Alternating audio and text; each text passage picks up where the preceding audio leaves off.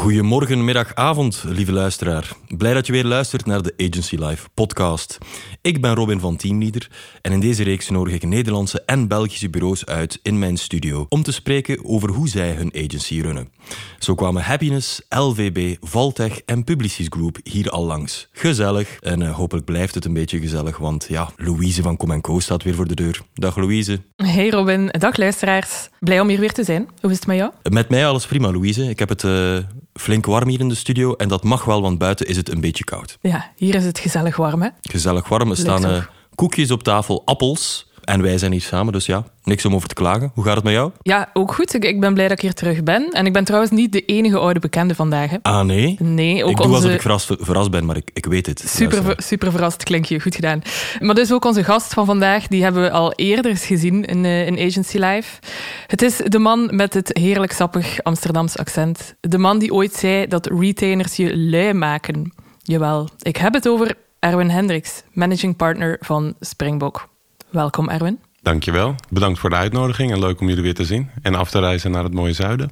Het mooie zuiden. Is het mooier dan het noorden? Ah, toch wel een beetje, ja. Altijd wat zonniger. Op Erwin kan je rekenen om ons een beetje naar de mond te praten. Vind ik altijd fantastisch. Uh, maar ik denk dat hij het misschien ook wel meent. Vandaag, Erwin, gaan we met jou in een thema duiken waar dat best wel veel bureaus mee worstelen. Namelijk de veelheid aan data en analytics. Je verzamelt heel veel informatie in je bureau, maar hoe je al die informatie dan gaat centraliseren en ook je bureau erop gaat sturen, dat is niet zo heel evident. Nu, als je daar slim mee kan omgaan, dan heb je wel goud in handen. Wij horen dat Springbok daar best wel goed in is. Dus vandaar dat wij jou uh, hebben uitgenodigd om daar even jouw ervaringen over te delen met ons. Hartstikke leuk, dankjewel. Ja, ik denk dat het zeker uh, ons heeft geholpen om uh, Springbok verder te laten groeien tot waar we nu staan. En daar neem ik jullie graag in mee. Oké, okay. benieuwd naar jouw visie hierop, Erwin. Let's do it. Let's go. Let's go.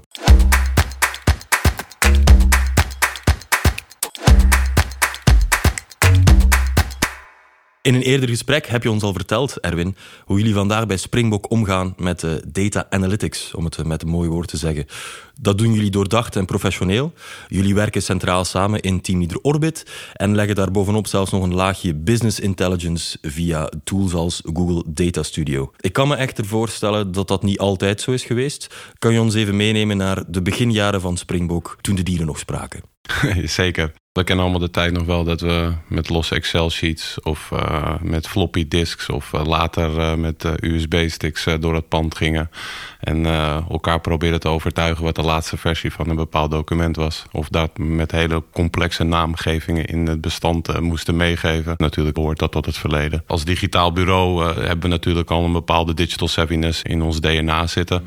Maar ook wij hebben daar een, ja, een groeipad in doorgemaakt. In het begin hebben wij verschillende systemen gehad, maar toch al snel daar wel uh, keuzes in uh, gemaakt om uh, dat op een gecentraliseerde manier en aanpak in te gaan richten. Toen hebben we ons verder gedigitaliseerd en op een cloud gestandardiseerd en daar plukken we nu de vruchten van. In een eerder gesprek vermeldde je al, Erwin, dat de vraag naar betere data-inzichten vooral kwam uit een driehoek. Kan je schetsen wie er in die driehoek zit en waarom zij die inzichten eigenlijk wouden? Ja, ja, zeker. Ik denk dat dit uh, eigenlijk geboren is bij uh, onze Head of Operations. Samen met onze controlling afdeling. Die gewoon graag inzichten hebben over alle bedrijven en entiteiten heen. Rondom de performance, rondom omzet, rondom kosten, rondom winstgevendheid. Maar ook uh, de behoefte om op technologisch gebied de juiste tools in je organisatie te hebben. Om een bureau aan te kunnen sturen. En zeker als je in twee landen actief bent.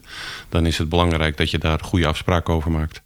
Is dat volgens jou dan het belangrijkste voordeel, dat je in één centraal systeem werkt met het hele agency?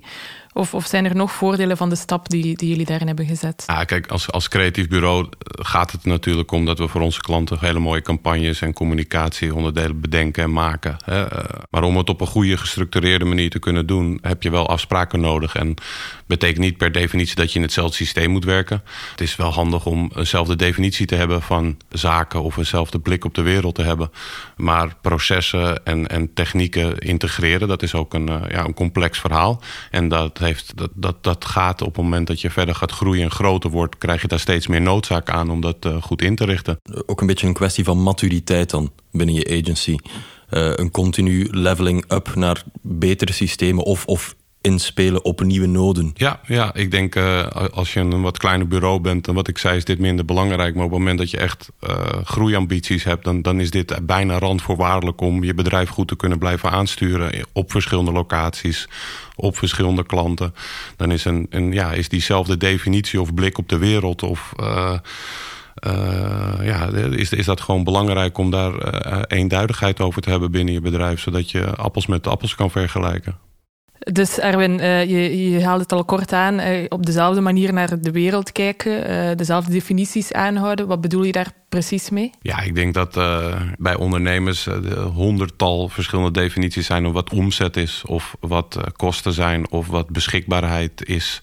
Daar begint het natuurlijk mee om dat te aligneren, zodat op het moment dat je onderdelen, projecten aan het evalueren bent, dat je een eerlijk beeld hebt over de KPI's waarop je rapporteert. Als je dat gelijk kan krijgen, en dat, dat begint natuurlijk bij dit soort projecten in de metadata of de master data management van, van dit soort systemen waarin dit vastgelegd wordt en waarop calculaties weer zich baseren. Als je daar een, een standaardisatie in kan doorvoeren, dan maakt het het makkelijker om projecten met elkaar te vergelijken die op verschillende locaties worden opgeleverd door verschillende mensen. En dus door dat te aligneren aan elkaar gaat de kwaliteit ook omhoog en de inzichten worden daardoor beter. Heb je er wel eens problemen mee gehad? Kan je je zo'n voorbeeld voor de geest halen van waar je twee verschillende zaken bijvoorbeeld bedoelde met omzet en daardoor ineens met een probleem zat? Nou, niet, niet specifiek binnen Springbok. Schiet me niet eventueel iets te binnen. Maar uh, ja, ik heb in mijn verleden wel uh, bij een bedrijf gewerkt... die uiteindelijk failliet is gegaan... doordat er geen goede definitie was van kosten. En dat eigenlijk producten of diensten te lang verkocht zijn geweest onder kostprijs. En dat dat pas eigenlijk heel laat in het proces naar boven kwam. En dat is nou precies iets wat niet alleen in datakwaliteit zit... maar ook in een hele goede definitie van een attribuut... of iets waar je over rapporteert. Dus je kijkt met dezelfde blik naar de wereld. Een belangrijke om, uh, om, om fouten verderop te vermijden. Zijn er nog zo voordelen die je kan benoemen van de manier waarop jullie werken? Ja, zeker. Hè. Ik denk uh, door zeg maar, een stukje validatieregels ook in te bouwen, is het niet nodig voor iedereen die met het systeem werkt om op de hoogte te zijn van alle geldende wetten en regelgeving rondom. Ik noem maar iets, uh, BTW-regels bijvoorbeeld. Iemand die op een project werkt en niet een belastingexpert is, die moet, moet zich niet druk maken over op een offerte de hoeveelheid percentage BTW gegeven wordt. Dat moet eigenlijk systeemtechnisch afgevangen worden. En daardoor word je automatisch beter. De kwaliteit gaat omhoog. Je kan makkelijker inspelen op de markt. En dus gaan gewoon zaken minder fout.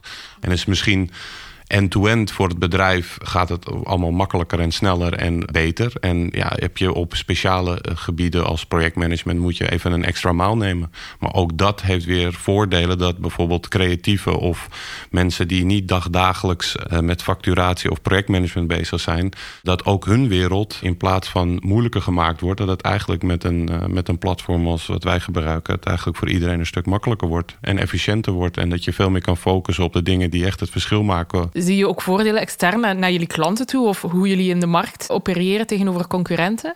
Uh, ja, natuurlijk. Kijk, het is een systeem of een platform wat heel veel capabilities in zich heeft. Hè? Van CRM tot aan facturatie en opvolging uh, van betalingen in die suite van mogelijkheden heb je natuurlijk richting je klanten. Ben je name kan je heel kort op de bal spelen, omdat je snel offertes kan samenstellen.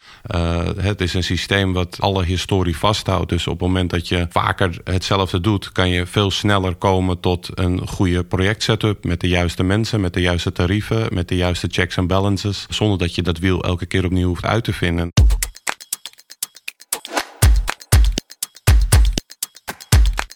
Op het niveau waarop Springbok opereert, namelijk een top agency voor grote internationale klanten, maakt die kleine verschillen waarschijnlijk wel veel uit, zeker naar de toekomst toe. Louise vermeldde competitief inzicht. Hoe helpen die inzichten jullie groeien en betere prognoses maken en beter werk leveren naar de toekomst toe?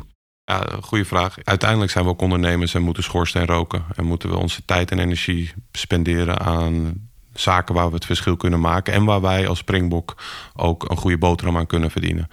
In het verleden denk ik dat dit vaak een blik was in de achteruitkijkspiegel. Waarin je vandaag de dag veel meer real-time eigenlijk op dagdagelijkse basis inzichten hebt in de performance van projecten of mensen, klanten, accounts, noem maar op. Daardoor kun je er veel beter en dichter op die bal spelen. Je zal snel inzicht hebben of een project wel of niet rendabel is of waar je leakage hebt zitten en daarop acteren, dat maakt uiteindelijk je performance beter. Het inzicht hebben is één, maar daarop ook acties uitzetten en je bedrijf sturen en in de goede richting weten te duwen, is uiteindelijk wat het succes bepaalt. Tijd en moeite besparen op het niveau van elke medewerker, maar ook helder kijken naar het verleden en het heden en slim vooruitkijken naar de toekomst. Dat kan je dus allemaal doen als je inzichtelijk naar je cijfers kan kijken.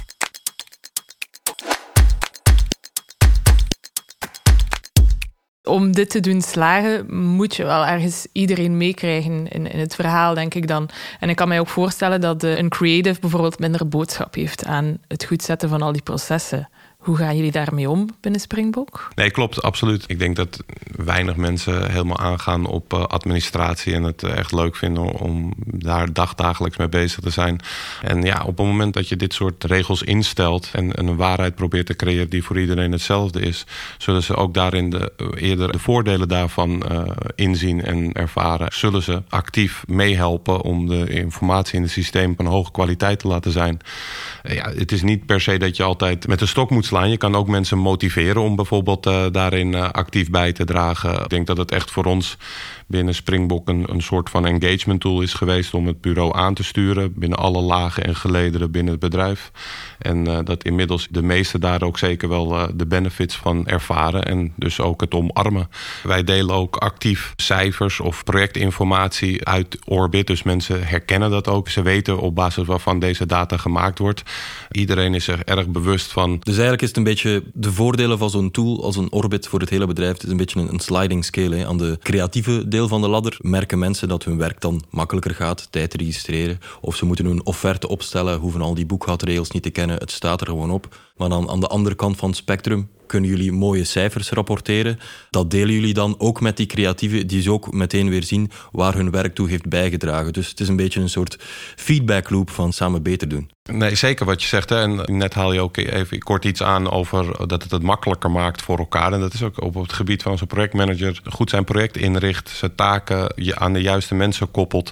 Dan is het eigenlijk voor een developer of een creatief of een strateeg eigenlijk nog een hele kleine effort om zijn timesheets in te leveren waar we facturen op baseren. En datzelfde zie je denk ik ook op het gebied van integraties. Richting boekhouding bijvoorbeeld is het veel efficiënter geworden. Ja, tegenwoordig met, met alle technieken als OCR en herkenning, automatisch aanvullen en validaties gaat dat proces veel makkelijker en beter en minder foutgevoelig. Als je dat als op bedrijfsmatig niveau bekijkt, dan ga je zoveel efficiënter om met de tijd van je specialisten. En ja, denk ik dat dat uiteindelijk het succes van Springbok mede mogelijk heeft gemaakt. Mhm. Dus eigenlijk de kleine succeservaringen voor de medewerkers zijn vrij snel voelbaar, wat dan weer bijdraagt aan het succes van Springbok uh, als een geheel. Ja, daar, daar helpt dit gewoon bij om uh, een soort gezamenlijke stip op de horizon te projecteren. En natuurlijk gewoon op dagdagelijkse basis met diverse projecten, accounts en mensen.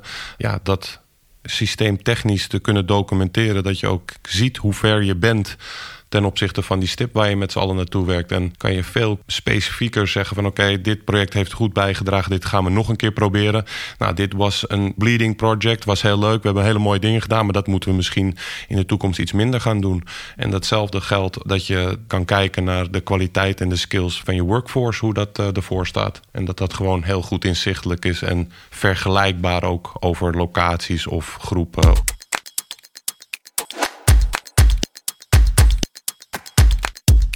Het klinkt bijna te mooi om, om waar te zijn. Waren er ook moeilijkheden in dat proces? Was iedereen automatisch mee in dat verhaal? Of hebben jullie daar ook wel struikelblokken tegengekomen? Ja, nee, ik, ik denk wij zijn ook gewoon een afspiegeling van eh, de maatschappij. En er werken mensen. En waar, waar, mensen werken, daar zijn emoties. En veranderingen zijn altijd lastig. Ik denk dat change management daarin heel erg belangrijk is. Dat je bewust bent van dat veranderingen spannend zijn. Wij hebben daarin eigenlijk wel mensen heel erg vroegtijdig meegenomen in het proces. Toen we dit wilden gaan doen. En uh, eigenlijk betrokken vanuit verschillende rollen.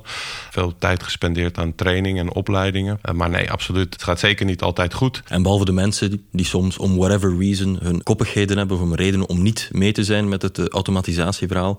Wat met de migratie? Dat is iets dat we ook nog wel vaker horen. Het migreren van systeem A naar systeem B is niet altijd op een kwartiertje gedaan of niet altijd even makkelijk. Hoe was dat voor jullie, die migratie? Ja, ik denk dat we inmiddels eh, Champions League eh, spelen op het gebied van migratie. Ik denk dat we alle facetten en fases daarin hebben meegemaakt. En ook dat we allemaal in één instance en installatie zitten van Team Leader Orbit. En dat vereist een migratieproces. Daar zit zelfs bij ons eh, zit daar gewoon iemand vanuit ons directieteam, ons leadership team, die daar bij betrokken is en dat probeert te begeleiden om dat allemaal in goede banen te leiden.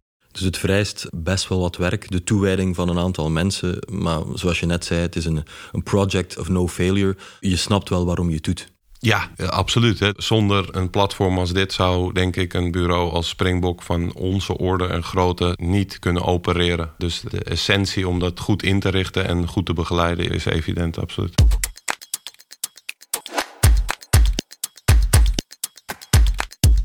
Erwin, Springbok is de afgelopen jaren stevig gegroeid, onder andere door ook eh, heel wat bureaus over te nemen. Daarin hanteren jullie een buy-and-build strategie voor de luisteraar, kan je misschien eventjes toelichten wat dat inhoudt? Ja, zeker. Uh, met ook de, de, toelichting dat ik niet eh, de M&A-specialist van Springbok ben. Maar uh, naast onze autonome groei, waarin we op basis van de, onze business zelf een groeistrategie hebben, hebben we ook een strategie waarin we groeien door en wellicht iets versneld kunnen groeien door ook bedrijven over te nemen of samen te gaan werken met bedrijven daarin. Nou, dat komt met allerlei dynamieken ook dat soort partijen hun eigen systemen, hun eigen mensen, hun eigen processen hebben. Ja, dat moet je goed kunnen aligneren, zodat we weer over appels en appels spreken. Dat betekent natuurlijk niet dat je vanaf moment één iedereen even overhevelt naar jouw systeem. Want mhm. dat is uh, zo simpel zit die wereld ook niet in elkaar. Maar het begint natuurlijk door wel weer dezelfde definitie te hebben van de KPI's waarin je over wilt rapporteren. Bij M&A of bij buy and build is het natuurlijk als eerste dat je een CFO of controllers gaan kijken naar de boekhouding. En doordat we gestandardiseerde regels wereldwijd hebben over hoe je boekhouding moet bijhouden of samenstellen, zit het daar iets minder complex, want daar is het makkelijker te vergelijken. Maar op het moment dat je toch op de businesslaag gaat komen, ja, dan praat je dan weer over systemen zoals waar we het vandaag over hebben.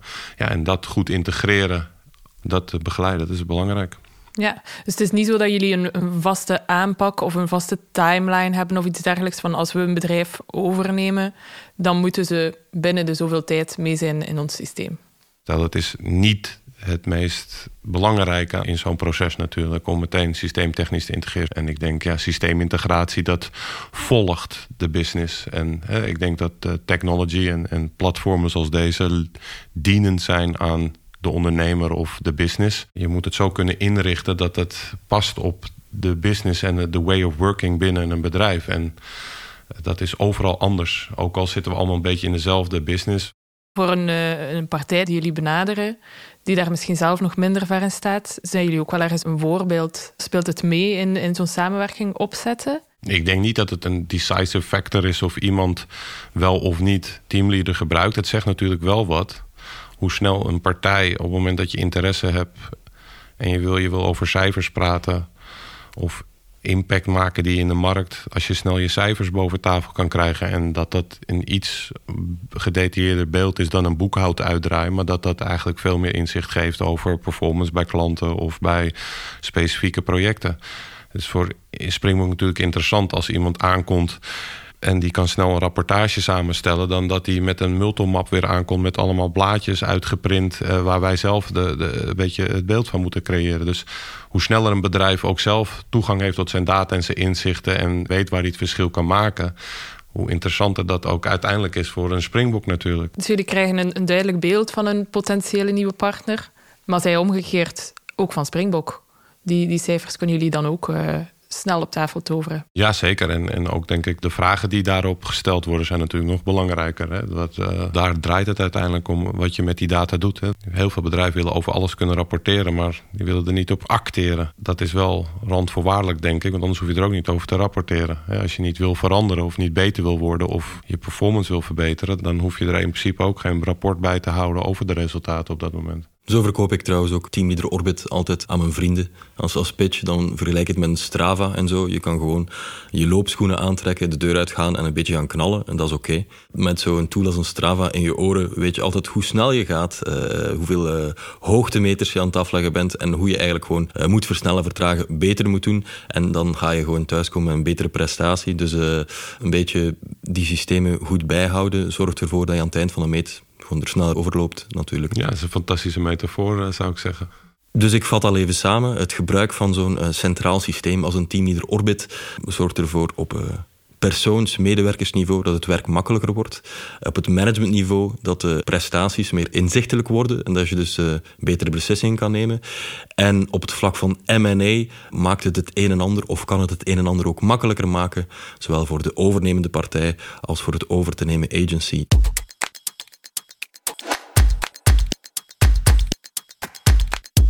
Erwin, je vertelde dat je door die centrale inzichten sneller op de markt kan inspelen, uh, sneller een offer op tafel kan leggen. Je weet waar je sterk in staat, waar je minder sterk in staat. Uh, op welke manieren uitzicht dat nog? Absoluut goede vraag. Ik denk uh, voor een bedrijf als Springbok zijn we steeds meer gefocust op het onderdeel purpose en positieve impact maken in onze maatschappij.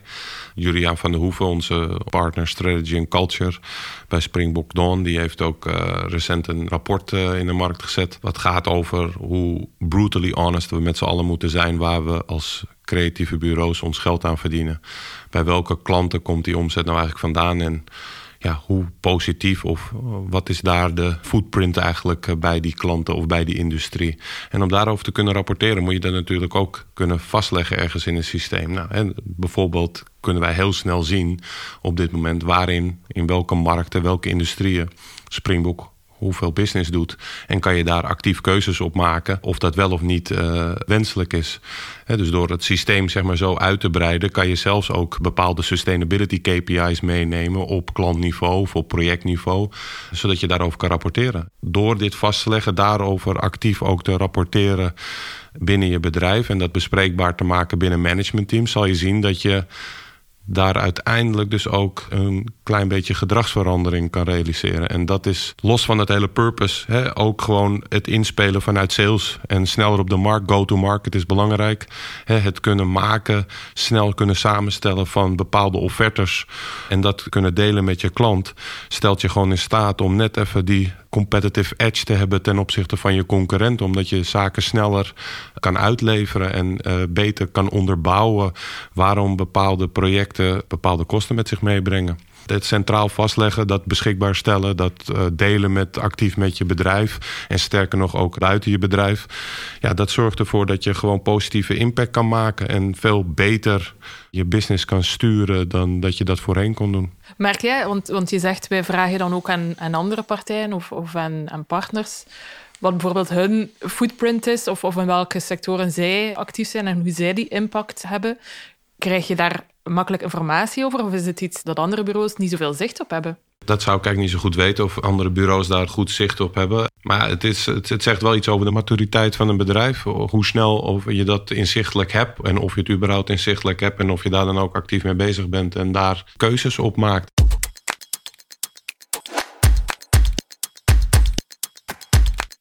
Dus jij zegt, waarom zou je niet meegaan en mee zijn met je tijd en van die moderne standaarden gebruik maken om gewoon het best mogelijke agency te runnen op de best mogelijke manier? Ja, ja. En, en, daar, en de toekomst gaat ons nog veel meer bieden met de komst van AI. En we zitten met teamleaders zitten we op een enorme bak van data. En uh, zou je dat nog veel verder slimmer kunnen maken om verborgen trends in te kunnen vinden. Dus de toekomst uh, die biedt daar eigenlijk nog veel meer uh, om ons nog strakker op de bal te kunnen inspelen of nog meer te gaan werken met predictive analytics of predictive uh, functionaliteiten die, uh, die mogelijk uh, teamleader kan gaan bieden. O Louise, had jij nog een vraag voor Erwin? Wel, ik, ik heb het gevoel, jullie verhaal is echt wel een, een, een schoolvoorbeeld van hoe die centralized analytics je bureau helpt om efficiënter te werken, om te groeien, om, om toekomstgericht te zijn. Ik vind het zeer inspirerend, ook voor, voor andere bureaus. Um, ik denk wel dat veel agencies er een stukje mee, mee worstelen van hoe pak ik dan nu het beste aan. Want laten we een kat en kat noemen, van offline Excel-sheets en floppy disks gaan naar waar jullie nu staan. Dat is niet zo evident. Um, Heb jij misschien voor de bureaus die luisteren nog een finaal advies of een learning die je hen wil meegeven? Ja, zeker. Eh, ik denk dat een traject als deze of een soortgelijk traject, dat je dat goed van tevoren moet, moet plannen. Je moet bewust zijn van dat dit natuurlijk allerlei emoties met zich meebrengt. En door de juiste mensen eh, binnen je organisatie eh, vroegtijdig te betrekken, zal dat uiteindelijk eh, tot betere resultaten leiden. Je moet je energie steken in het opleiden van je workforce en meenemen in deze verandering. En het niet als een big bang door de strot duwen. Ja, bedankt Erwin, in elk geval om jouw verhaal en dat van Springbok met ons te delen. Al onze luisteraars zou ik zeggen, eh, als jullie nog floppy disks, Multo-mappen en andere iOmega zip drives liggen hebben, stuur ze ons op. Samen met een gele briefkaart. Samen met een gele briefkaart. Wij laten er dan door een kunstenaar een mooi kunstwerk van maken of zo. Want een agency run je er niet meer mee in 2022. Ehm, dat kan op betere manieren die vandaag uh, door Erwin helder, luid en duidelijk voor ons zijn uitgelegd. Dank je wel. Hebben jullie ook zin gekregen om meer bij te leren, o luisteraar? Van Belgische en Nederlandse bureaus rap je dan als de wie de weer gaat naar agencylife.nl of agencylife.be. Je vindt er onder andere panelgesprekken over, en ik adem even in, pitches en prijszetting, e-books over financiële KPI's en positionering en nog heel wat podcasts, waarin Louise en ik agencies aan de tand voelen. Louise? Wij gaan hier afronden, denk ik. Ehm, maar we zien of we horen jou uh, graag terug bij een volgende aflevering. En als je jou abonneert op onze podcast, dan kan je die aflevering niet missen. Of je kan je inschrijven op onze tweewekelijkse nieuwsbrief via de show notes van deze podcast. En dan krijg je alles gewoon netjes in je mailbox. Lekker in je mailbox. Dankjewel Erwin, dankjewel Louise. Tot een volgende keer. Tot een volgende. Tot ziens.